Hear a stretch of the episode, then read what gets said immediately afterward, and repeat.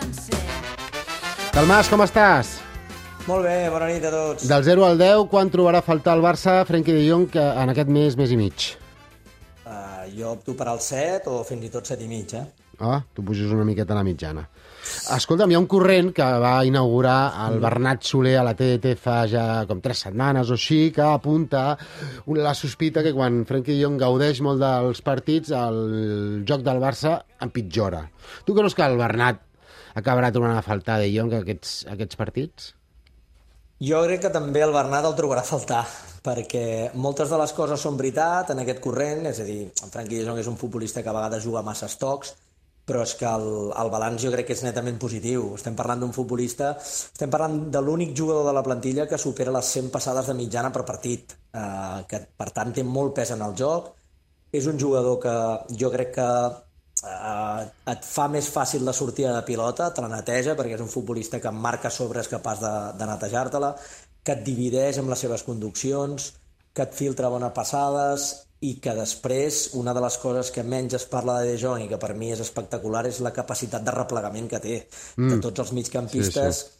És qui més cames té per tornar qui més cobertures ha... fa, sí, sí sí, quan, quan hi ha transicions i, i amb un mig al camp on precisament les cames per tornar no és el gran fort del Barça perquè ni Romeu les té, ni Pedri ni Gundogan i només Gavi pot tornar, a mi això em sembla un factor important per comprimir sempre l'equip. Qui creus que substituirà més vegades a, eh, a, en aquests partits a la base del mig del camp acompanyant Oriol Romeu?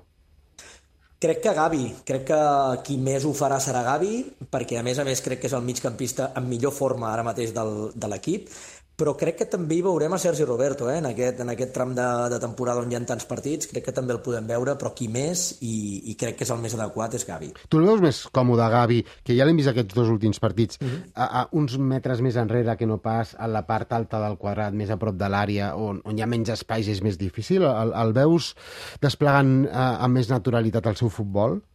Sí, jo sí, jo sí. L'hem vist anar, bé, el vam veure ahir i el, i el vam veure davant de l'Anvers però és el context que té, per exemple, la selecció espanyola, no? on moltes vegades hem, hem dit que, que, que se'l nota més còmode.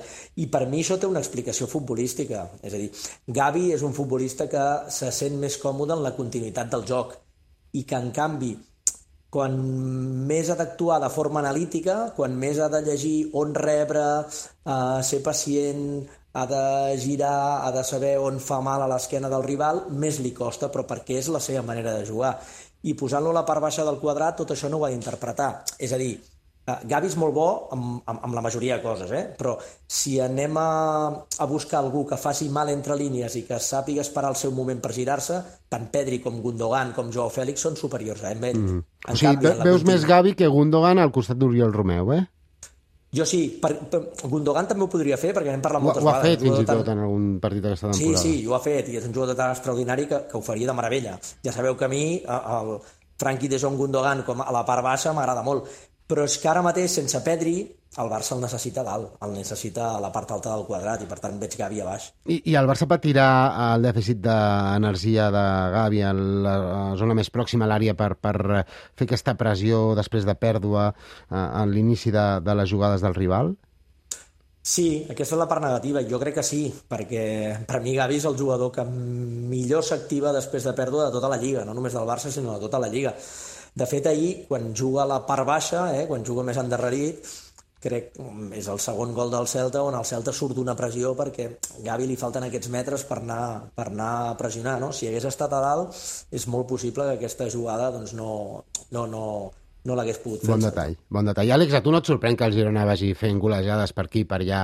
Fa dues setmanes, eh, coincidint amb l'aturada, ja ens vas explicar que, que el Girona de Mitchell és un dels equips de la Lliga. O sigui, no, no estàs sorprès perquè vagi eh, empatat a punts amb el Barça a, a dalt de tot de la classificació i per, perquè faci 5 gols contra el Mallorca o 4 a Granada?